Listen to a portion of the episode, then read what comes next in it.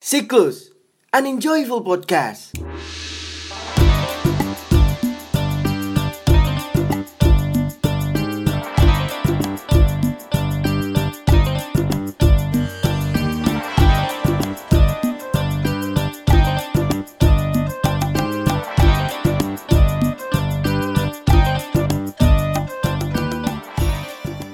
Halo Sobat Siklus, marhaban ya Ramadan. Spesial di bulan Ramadan ini, Siklus Podcast hadir dengan segmen sorban. Siklus Obrolan Ramadan. Pada segmen sorban ini, kita akan membahas seputar Ramadan dan kajian-kajian lainnya yang akan menambah pengetahuan kita pastinya. Aku Husna akan menemani Sobat Siklus pada segmen sorban ini. Karena ini kajian, jika ada pertanyaan silahkan kirimkan ke email kami kontaksiklus@gmail.com atau bisa juga DM kami di Instagram @inisiklus. Semua pertanyaan akan kami jawab di podcast selanjutnya. Selamat menjalankan ibadah puasa dan selamat mendengarkan episode hari ini.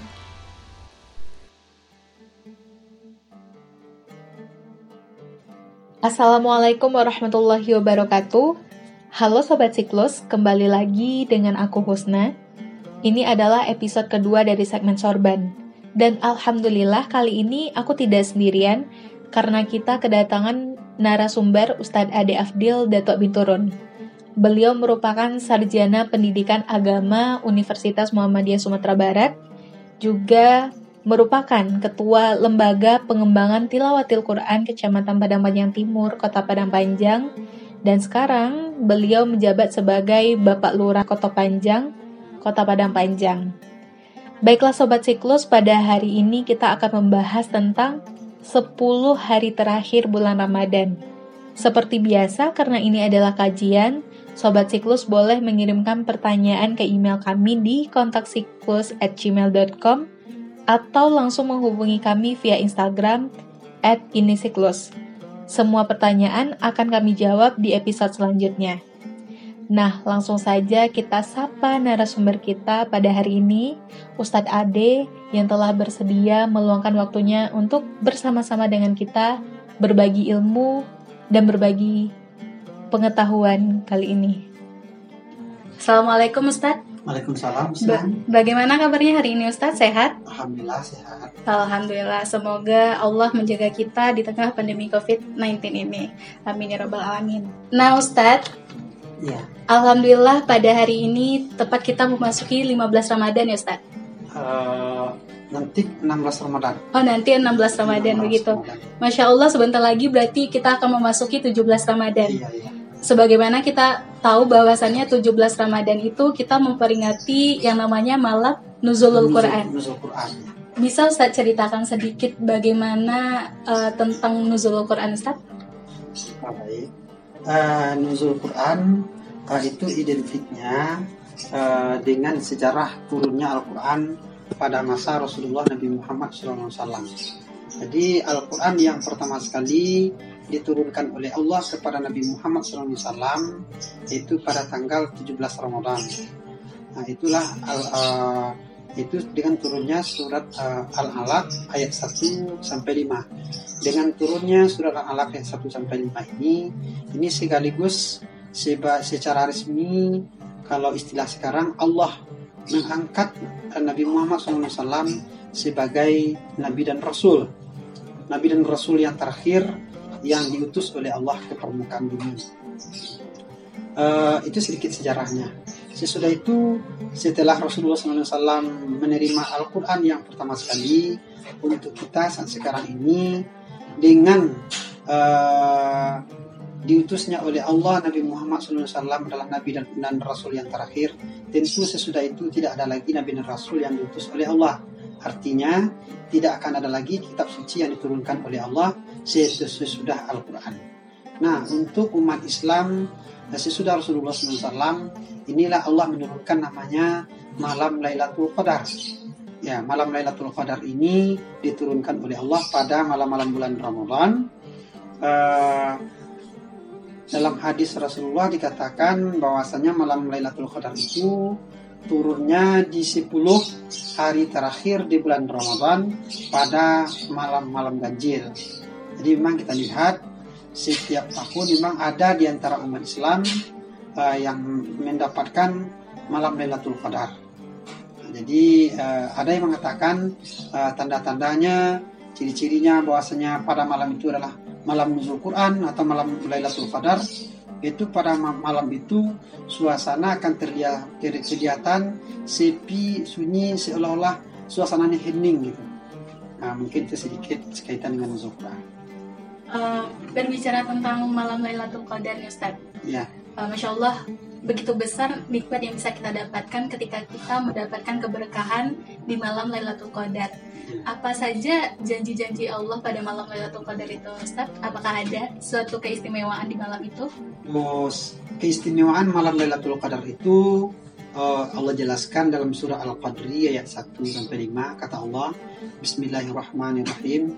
Inna anzalnahu fi lailatul qadr wa ma adraka ma lailatul qadr. Lailatul qadri khairum min alfi syahr tanazzalul malaikatu warruhu fiha biidni rabbihim min kulli amr. Salamun hiya hatta matla'il fajr. Uh, di antara makna yang terkandung dalam surah Al-Qadri ayat 1 sampai 5 tersebut di mana Allah katakan yang pertama sekali bahwasanya Al-Qur'an itu diturunkan oleh Allah pada malam Lailatul Qadar, artinya pada malam kemuliaan. Nah, sesudah itu malam Lailatul Qadar itu Allah katakan bahwasanya malam itu lebih baik daripada seribu bulan. Lebih baik di sini adalah kebaikan-kebaikan yang diberikan oleh Allah kepada orang-orang yang uh, mendapatkan malam Lailatul Qadar. Dan pada malam Lailatul Qadar itu Allah akan perintahkan malaikatnya uh, turun ke permukaan bumi memberikan syafaat kepada uh, umat manusia orang-orang tertentu yang dituju uh, sesuai dengan uh, kehendak Allah Subhanahu wa taala. Uh, malaikat itu turun membawa keberkahan sampai terbitnya fajar. Menarik sekali Ustadz yang Ustadz sampaikan tentang malam tentang nuzulul Quran dan malam Lailatul Qadar. Sebagai seorang muslim, Husna ingin sekali mendapatkan rahmat di malam itu dan Husna yakin begitupun dengan saudara-saudara muslim lainnya.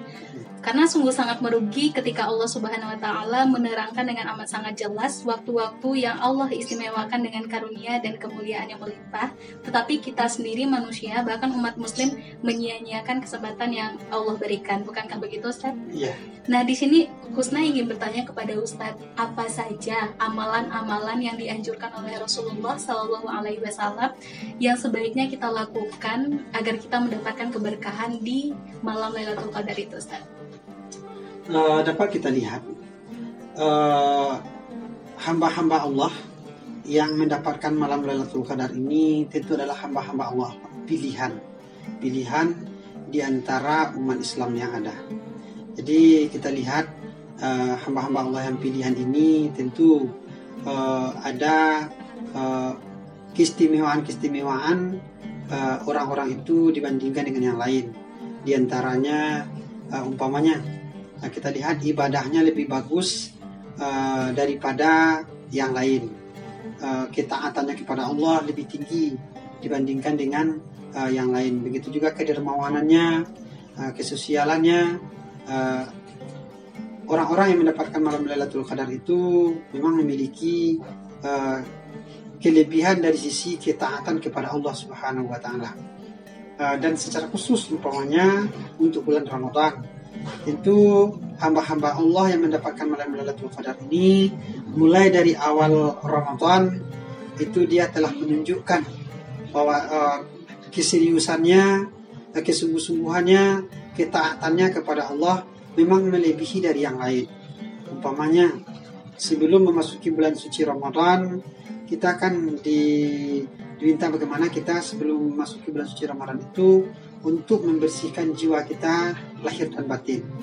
Kalau kepada Allah itu kita mohon ampun, artinya bertobat kepada Allah. Nah, orang-orang yang mendapatkan malam Lailatul Qadar ini, mereka itu bertobat kepada Allah memang betul-betul bertobat. Artinya dari hatinya yang sesungguhnya. Dan begitu juga dengan sesama manusia, hablum nas kita, kita saling maaf memaafkan satu sama lain.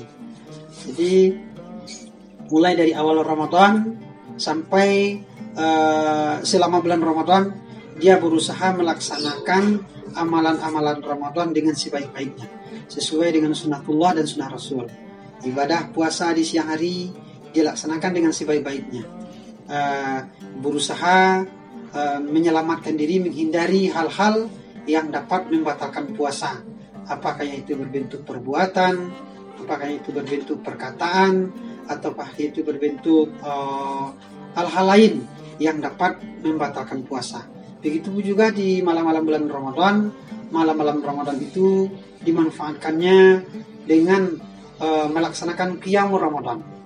Jadi qiyamul Ramadan itu di antaranya melaksanakan sholat tarwih dan witir secara berjamaah, melaksanakan uh, tadarus Al-Quran di dalam bulan Ramadan. Nah, ada yang kita lihat di antara umat Islam yang mendapatkan malam Lailatul Qadar ini memang dia dapat menghatam Al-Quran uh, dua kali, tiga kali bahkan berulang-ulang kali dia bisa menghatam Al-Quran selama bulan Ramadan luar biasa senang. Iya. Nah mungkin uh, di samping itu juga senaya uh, di bulan Ramadan ini kita kan juga dianjurkan untuk uh, berinfak bersedekah. Bahkan Rasulullah katakan afdalul sedekah di Ramadan. Ya, sedekah yang paling afdal itu ada di bulan Ramadan. Iya, di bulan Ramadan dia saling berbagi. Bahkan itu kan dengan memberi perbukaan orang yang berpu yang berpuasa saja Allah imbali orang yang memberi perbukaan itu pahalanya sama, sama dengan orang yang berpuasa itu luar biasa ya. Sangat banyak kesempatan kita nah, untuk mendapatkan pahala di bulan suci ini.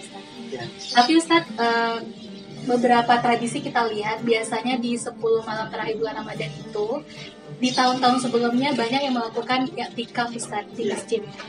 Tetapi pada saat sekarang ini di tengah pandemi ini kita sama-sama tahu bahwa sistem kebijakan PSBB membuat kita tidak bisa lagi melakukan i'tikaf di masjid.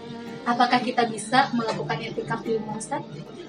Uh, jadi ya, nah ya, kita melihat dulu ada beberapa rangkaian ibadah yang disebabkan oleh wabah pandemi atau corona atau covid-19 ini yang kita umat Islam dianjurkan melaksanakannya di rumah. Seperti sholat Jumat.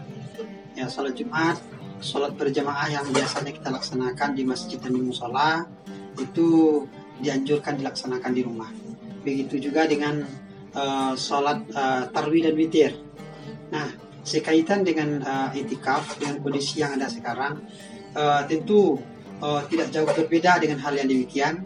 Bagaimana umat Islam uh, melaksanakan itikaf di rumah masing-masing, memanfaatkan waktu-waktu yang ada di 10 hari terakhir, memang memperbanyak uh, memperbaca membaca Al-Qur'an, memperbanyak melaksanakan sholat-sholat sunat, memperbanyak zikir kepada Allah. Jadi jadi artinya apa?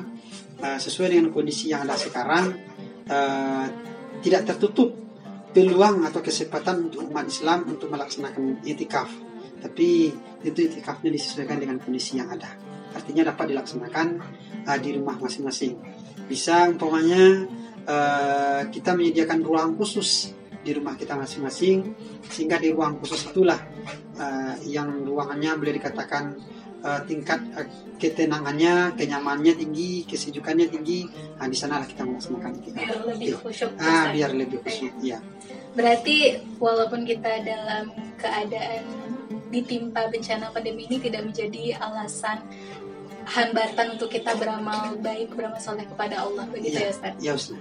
Insya Allah semoga kita menjadi insan yang dirahmati Allah di bulan Ramadan ini dan di sisa-sisa Ramadan kita bisa memaksimalkan untuk meningkatkan keimanan dan ketakwaan kepada Allah Subhanahu Wa Taala. Ya.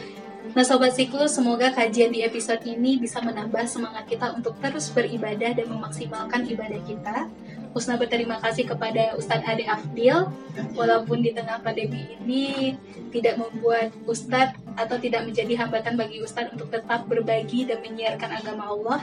Semoga semoga ini menjadi sodakoh jariah untuk Ustadz nantinya. Amin ya robbal alamin. Barakallah Ustadz wa jazakallah dan Husna pamit. Assalamualaikum warahmatullahi wabarakatuh.